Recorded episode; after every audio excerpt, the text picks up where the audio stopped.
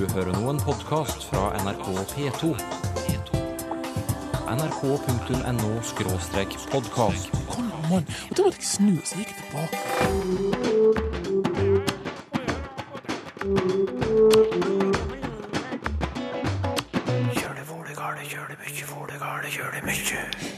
Omgir oss med en flora av skjellsord. Det går ikke an å være et sånt sloghaug. Eller kanskje vi skal kalle det rett og slett en skalleknarp? Tei der en staur. En uting eller språkets egne villblomster verdt å ta vare på. Og dagens uttrykk i serien Hold tunga rett i munnen er Med brask og bram. Vel møtt til Språkteigen.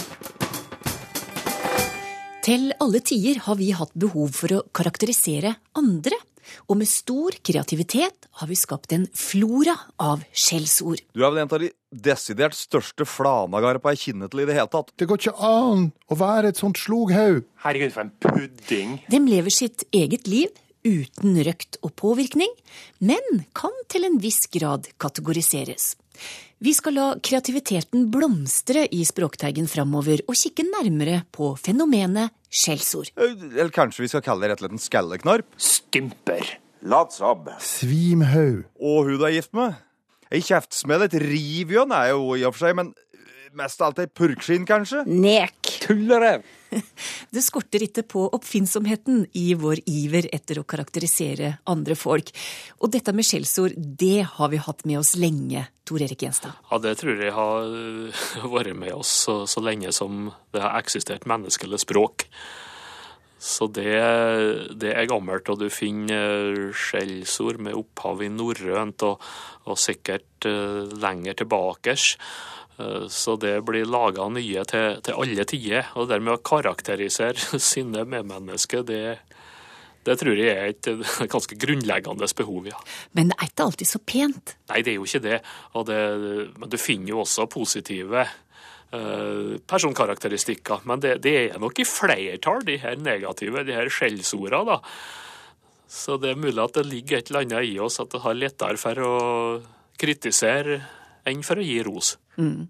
Og, og tilfanget, det er stort, for det dukker stadig opp nye. Ja, det gjør jo det. Og det er jo en ting som gjør det litt interessant å faktisk studere det her. Ja. For her, eh, her er det jo for så vidt ikke noe standardisering. Eh, Det får blomster fritt. Eh, Det er ikke noe språkråd eller annen instans som bestemmer hva som skal brukes. Og det er ikke slik som for eksempel ta navn på dyr og planter, fugler, fisker. Eh, Der det nå skjer det, da, at de lokale navnene eh, blir fortrengt til, for, til fordel for eh, standardspråklige ord. Det presset der, det har du ikke i det skjellsordet. Altså, så her er det litt som eh, eh, botaniker som vil studere villblomster eh, framfor hageblomster. Så du sier at skjellsord er språkets eh, villblomster? Ja, egentlig så, så er det jo det. Jeg syns det er en ganske god sammenligning, det. Og det høres ut som det er ganske stor dialektvariasjon. Ja, for all del, det er jo dialektmateriale her. eh, I de her byggesteinene i, i, i skjellsorda.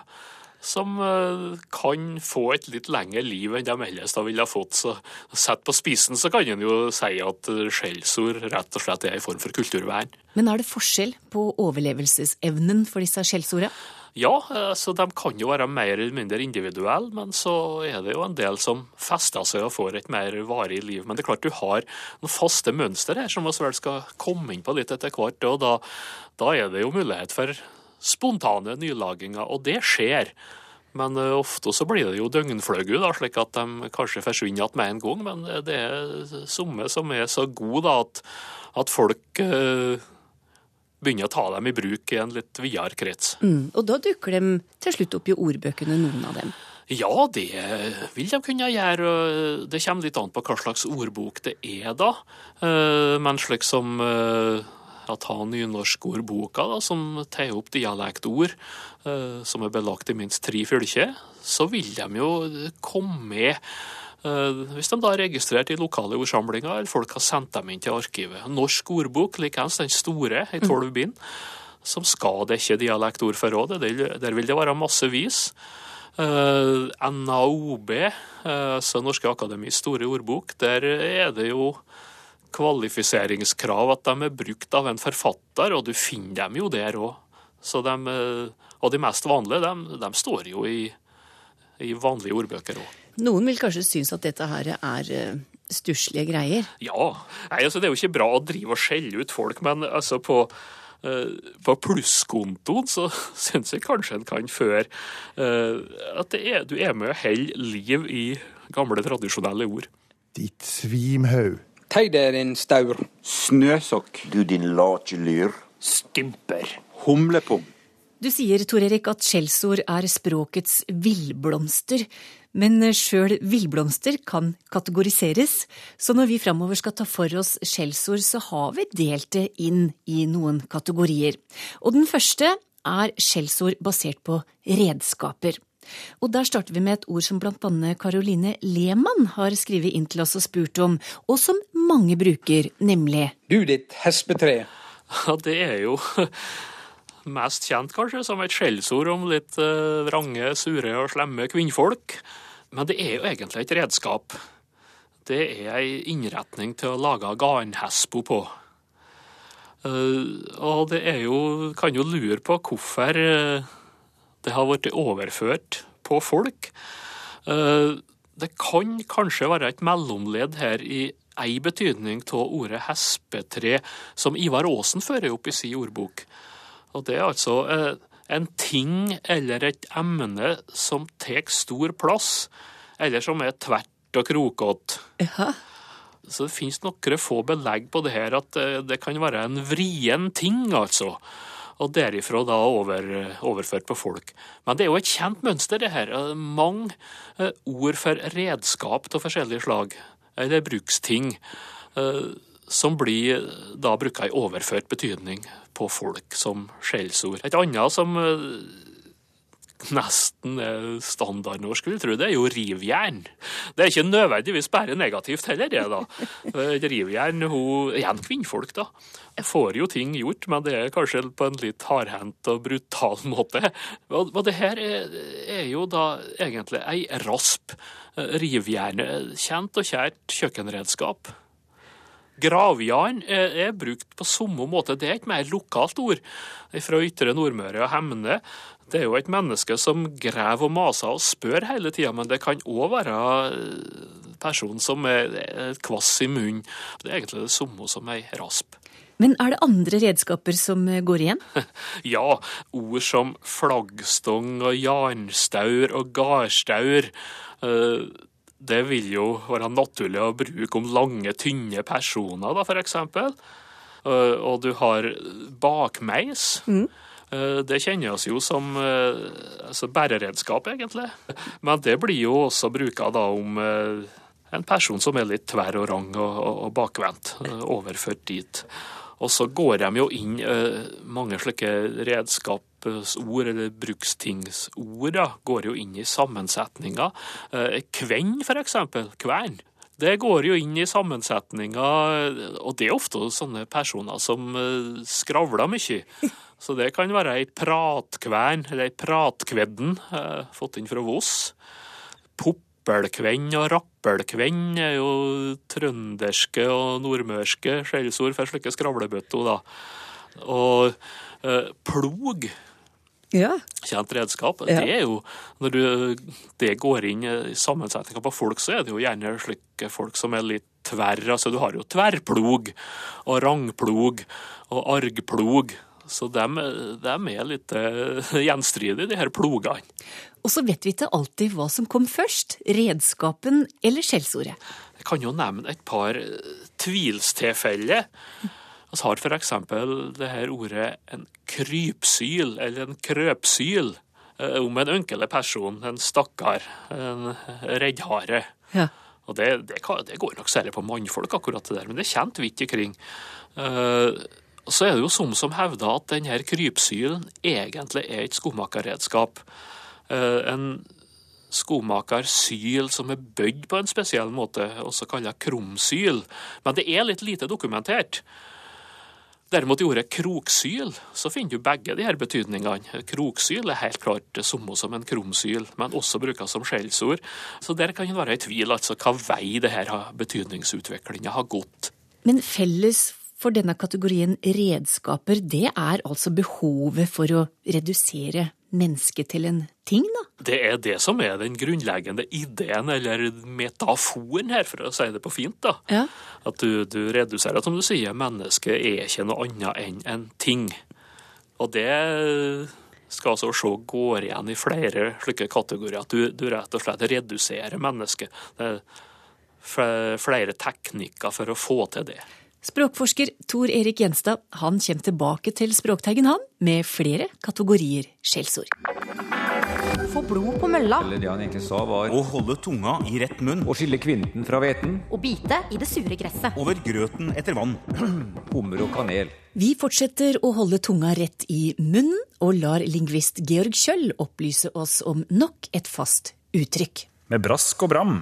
Ja, det er et uttrykk som eh, mange bruker, og mange, mange kan, men veldig få egentlig skjønner innholdet i. For eh, både brask og bram er ord som ikke brukes noe særlig i, eh, i språket for øvrig, så de har, de har, på en måte sin plass i dette faste uttrykket, og ikke, noe, ikke noen andre steder. Ja, brask skal uh, visstnok stamme fra et nedertysk ord, brasj, som hadde ca. samme mening som det moderne norske ordet brak. Så når vi snakker om at bilen traff veggen med et brak, så, så er det det samme ordet. Mm. Og opprinnelsen er, er, litt usikker, men, eh, men, mest sannsynlig så har det å gjøre med et lydmalende ord, eller lydhermende ord, som på fagspråket kalles for onomatopoetikon. Så brasj, eh, og da brask på, på, mer moderne norsk kommer kanskje av lyden som lages når, når det skjer et eller annet bråkete. F.eks. når noen tråkker på tørre kvister i skogen, eller ja, noe, annet, noe, annet, knekker. Og bram eh, kommer eh, på sin side av et eh, gammelt verb som ikke brukes så mye lenger, som er bramme. Og det betød noe tilsvarende, egentlig. Det betød det å rope høyt eller å gjøre seg til. Og etter hvert så ble det et synonym for å skryte. Og av en eller annen grunn så har det vært mange ord på, på norsk som har gått ut av språket, for, som handler om nettopp det å skryte. Altså braute og prange og prale er alle ord for det samme. Men til slutt så har dette da landet i et fast uttrykk da, med, med, brask og bram, som innebærer at noen gjør noe med støyende eller energisk driv, eller med, med, med mye innsats og mye lyd rundt seg. Og det er det som gjør dette så vanskelig, at vi egentlig ikke vet hva brask og bram betyr? Ja, fordi en grunn til at vi klarer å huske så utrolig mange ord, er at vi klarer å knytte meninger til dem. Vi klarer å knytte det til ting som er i verden, eller aktiviteter vi gjør, eller personer vi, vi, vi kjenner. Men hvis ikke, hvis vi ikke har noen sånne ting å knytte det til, så er det vanskeligere også å huske dem. Og dermed blir det vanskelig å huske med brask og, og bram. Det hjelper litt at det er litt sånn, at det er et bokstavrim der. Ja. Og at det er en fin rytme og sånn, men allikevel så er det fullt mulig å, å, å kløne dette litt til, eller huske feil, eller bytte om litt på lyder med dette uttrykket. Og Hva er det vi kløner det til med, da? Da har, du noen, da har du et par varianter hvor du bytter om, på, bytter om på lydene i de respektive ordene og ender opp med brask og barm, f.eks. eller med barsk og bram. Eller med barsk og barm. Så det er, det er noen varianter her som, som glir fort av tungen hvis man ikke følger ordentlig med. Det er litt forvirrende med tanke på at bram fins ikke noe særlig andre språklige sammenhenger. Det er ikke mulig å finne så mange andre setninger du kan bruke de, men du har, du har jo ordet barm da, som, som, kommer inn og forstyrrer litt. Fordi det er, mer, det er jo det, det er mer vanlig. Vi snakker om å nære en slange ved sin barm, eller vi snakker om at noen kan være barmfagre. Og da er det et, et fenomen som vi er borti noen ganger nå, som, som, handler om at mer kjente ord kommer inn og forstyrrer mindre kjente ord, og dermed, dermed ødelegger litt de faste uttrykkene. Og kanskje folk, når de bruker det, også blander inn det de vet om sjøfart og seiling og andre maritime uttrykk, da, som f.eks. 'splitte mine bramseil', som, som, er litt sånn Donald-aktig, og mange husker fra den type litteratur. Eh, Så, så det er jo litt forvirrende. Og ekstra forvirrende blir det av at eh, både bram og barm eh, er uttrykk innen eh, Eller eldre uttrykk da, innen, innen eh, sjøfarten. Og eh, ja, hjørnet av et seil er det da barm eh, kan finne på å bety i denne sammenhengen. eh, Mens eh, bram er riggen på en seilskute. Så her er det mange feller å gå i og mye, mange, mange fallgruver eh, man, eh, man må unngå hvis man skal bruke dette uttrykket riktig. Har du uttrykk du lurer på, skriv gjerne til oss. Kontaktopplysninger får du i slutten av programmet. Svein Abrahamsen er først ute med et lytterspørsmål i dag. Han lurer på uttalen av nettstedet YouTube. Er det YouTube, eller er det YouTube? Han har ei niese på tolv år som har merka seg at barn og unge mest bruker uttalen YouTube, mens voksne sier YouTube. Men hva er rett, og hva kan denne forskjellen skyldes, spør han. Og Tore Lopsdal, det er du som skal få svaret. Ja, jeg har ett helt konkret forslag, og så har jeg en liten spekulasjon i tillegg. Og det konkrete forslaget til svar her er at begge deler er rett. Men denne unge har en amerikansk-engelsk uttale av YouTube. Mens den voksne har en britisk-engelsk uttale YouTube.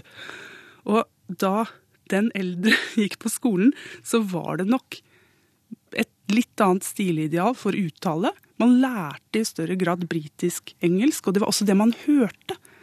Mens man som ung utsettes for veldig veldig mye amerikansk-engelsk og andre varieteter av engelsk. Særlig gjennom medier som YouTube.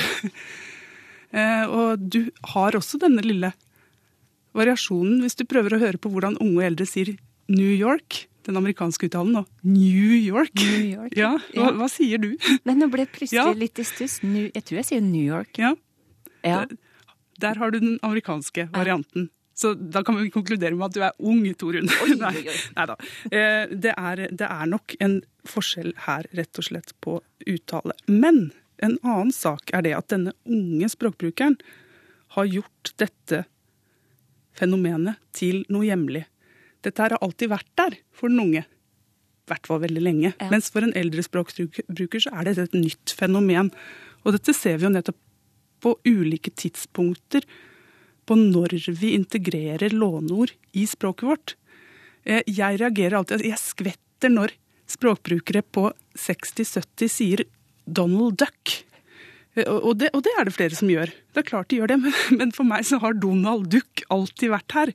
Så, så han, er, han, er, han er norsk også, selvfølgelig. Men, så det handler nok noe om hvilket forhold man har til dette objektet, og om det oppleves som noe hjemlig og naturlig. Og også dette med forskjell på engelsk uttale. Mm. Det er godt observert av denne jenta på tolv år, da, og har hørt at de unge sier YouTube og de voksne sier YouTube. Ja, dette blir en framtidig deltaker i Språkteigen. Se det. Så er det noen som prøver å finne opp eh, nye ord, og, Toril. Og det slo meg at å nave, det har vi hørt om. Eh, Og av det så fikk vi å naving. Og nå savner Ralf Lorentzen at det skulle være noe lignende ord for pensjonister. Og sjøl så svarer han titt og ofte når han blir spurt om hva han gjør, så svarer han at han pensjer. Ja, og at han i hovedsakelig driver med pensjing. Og så spør han vil dette ordet berike norsk språk. Mhm. Eh, Jeg eh, er usikker på uttalen her først. Kanskje han pensjer, hvis han er pensjonist. Eller kanskje han pensjer. Jeg synes det er, altså Orddanningsmessig så er det jo, som du er inne på, ikke noe galt med dette. Det er helt ok, en forkortelse, en sammentrekning. Men betydningen er ikke særlig gjennomsiktig her. Eh, Vi får se om det sprer seg. Eh, Og på den annen side så er mitt inntrykk, i hvert fall så sies det at når du blir pensjonist, så får du endelig tid til å gjøre det du skal. Så da kan man jo også vurdere å bruke en lengre beskrivelse av hverdagen enn å si at man pensjer. Men, men jeg unner denne lytteren all tid til å bruke den på bedre ting enn å forklare hva han gjør. Så pensje. Stå på, vi ser om det sprer seg. Det er ikke noe galt med det, men jeg mistenker at det ikke slår an hvis jeg skal måtte spå. Hvorfor bruker NRK, TV 2 og andre norske medier ordet borgermester om lokale politiske ledere utafor Skandinavia? Hvorfor ikke si ordfører om alle når det åpenbart dreier seg om personer i tilsvarende politiske verv? Det er det Sigbjørn Lauritzen som skriver, men det er flere som har skrevet til Språkteigen om akkurat det spørsmålet. Her må jeg nesten få lov å tenke litt høyt. Eh, og jeg begynner med ordføreren. Eh, for det er jo den øverste folkevalgte tillitspersonen i en norsk kommune. Det er ordføreren. Eh, I tillegg så har vi en mer konkret ordfører, som fører ordet. Og hvis den som fører ordet bærer fram en helt konkret sak i Stortinget, så kan du være en saksordfører. Men det er vel denne ordføreren som den øverste folkevalgte tillitspersonen som Sigbjørn Lauritzen spør om. Mm. For borgermester er for det første henta fra tysk og gjelder, og gjaldt i hvert fall en administrativ leder for en by. Og noen ganger, men ikke alle ganger, så er en borgermester ganske overlappende med en ordfører. Og borgermesteren i Danmark og Norge var en kongelig utnevnt embetsmann. Det var ikke en tillitsvalgt på samme måte som ordføreren er. Veit du når borgermesteren forsvant fra Norge? Nei. Nei. Jeg, jeg lurer på om det var på slutten av 1930-tallet. For da får vi en ny person inn i administrasjonen. Da får vi rådmannen. Rådmannen, ja. Mm. Så der får vi et ganske tydelig skille mellom politisk ledelse, der har du ordføreren på den ene sida, så har du denne administrative ledelsen med rådmannen på den andre. Men likevel så har vi denne borgermesteren som fortsetter å, å, plage oss, hadde jeg nær sagt. Eh, For det bruker vi nettopp om utenlandske administrative forhold. Og hvorfor det er slik, det tør jeg ikke å svare på med sikkerhet. Men noe handler kanskje om dette med at dersom vi overfører ordfører til utenlandske, lokale politiske forhold, så kjenner vi dem ikke like godt. Vi, vi veit ikke om dette er en tillitsvalgt som befinner seg på et område som er parallelt med det kommunale, eller om det er en annen form for organisering. Eh, så én ting er det språklige opphavet, en annen ting er tradisjon og et skille mellom administrasjon og politikk, og mellom embetet og det folkevalgte. Så en ordfører kan tilsløre noe, og i tillegg så kan en ordfører bety flere ulike ting enn det en borgermester gjør. I hvert fall opprinnelig. Ja, for det du sier nå er at en borgermester har denne administrative funksjonen i stillingen sin. Ja. Mm. Så da blir det ikke dekkende nok å si ordfører. Nei, det er i hvert fall det, det jeg mistenker eh, likevel. Og så har ordfører en, et innhold som borgermester ikke nødvendigvis har. Jeg lurer på hva som er forskjellen på ei bøtte og et spann. Og hvorfor har vi med begge i ordtaket 'i bøtter og spann', spør Solmund Paulsen Oland. Mm. Er dette to ulike ting? For noen så er det nok det. Eh, Et spann, det er rundt, det er sylinderforma, og det har hank, og du kan bære noe i det. Og så er et spann relativt sjelden, i hvert fall prototypisk, lagd av tre. Det er ikke ofte du har trespann, men de fins de også. Mens en bøtte kan være laga av tre. Du kan ha en trebøtte. Det er litt mindre enn spannet. Spannet kan ha lokk. Kan bøtta ha lokk? Mm, usikker. Eh, Men bøtta er gjerne videre oppe enn nede. Det er, det er mange ting man, Hvis man begynner å tenke på bøtter og spann, så ser man at i hvert fall prototypisk så er det litt forskjellige ting. Men de blir jo brukt om hverandre. Men de brukes jo litt forskjellig, kan jeg si det. For vi, Ja. vi fløy jo til skogen med et bærspann. Jeg har aldri gått til skogen for å plukke bær i ei bøtte. Nei, og da er det jo flaks at det kan være lokk på det spannet, eller så kan du miste de bæra. Ja, det Det gjorde er- det ofte også, Ja. Nei, det er, men det er klart det er også bruksområder som skiller bøtter og spann, men, men de er også veldig like. Og det er nok nettopp det, at de er like, som gjør det mulig å snakke om at noe forekommer i bøtter og spann. For da blir det et veldig tydelig bilde. Det blir en forsterkende og overdrivende effekt av at de nettopp bringer assosiasjonen i så lik retning, men likevel er forskjellige. Så da fordobler du noe. Og det at dette er et fast uttrykk, det ser vi også i at det veldig, veldig ofte er snakk om bøtter og spann. Det klinger ikke med spann og bøtter. Det, det gjør ikke det. Så det er litt formelaktig. Bøtter og spann.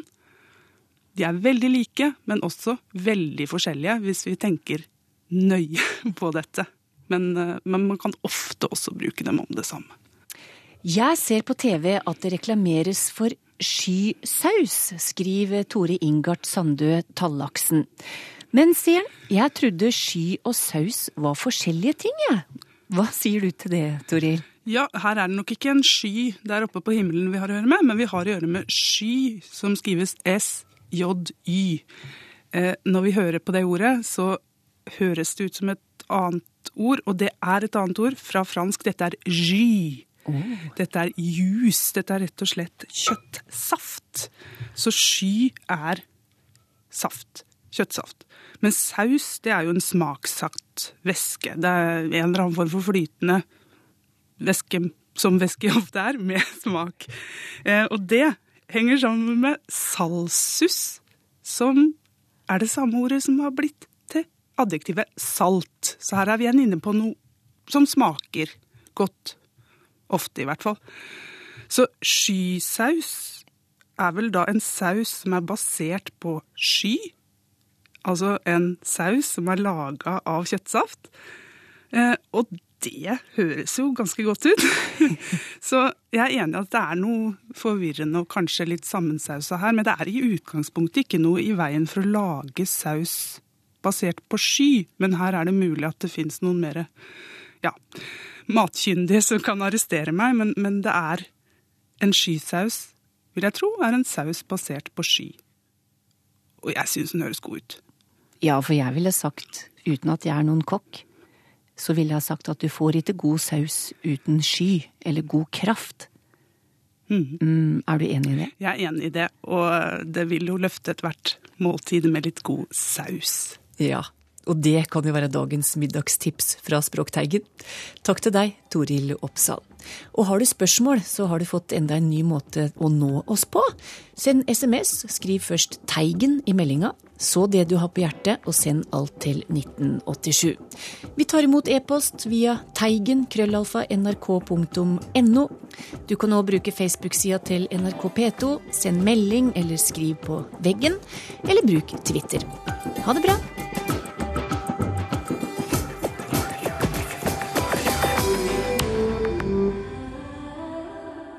nrk.no podkast.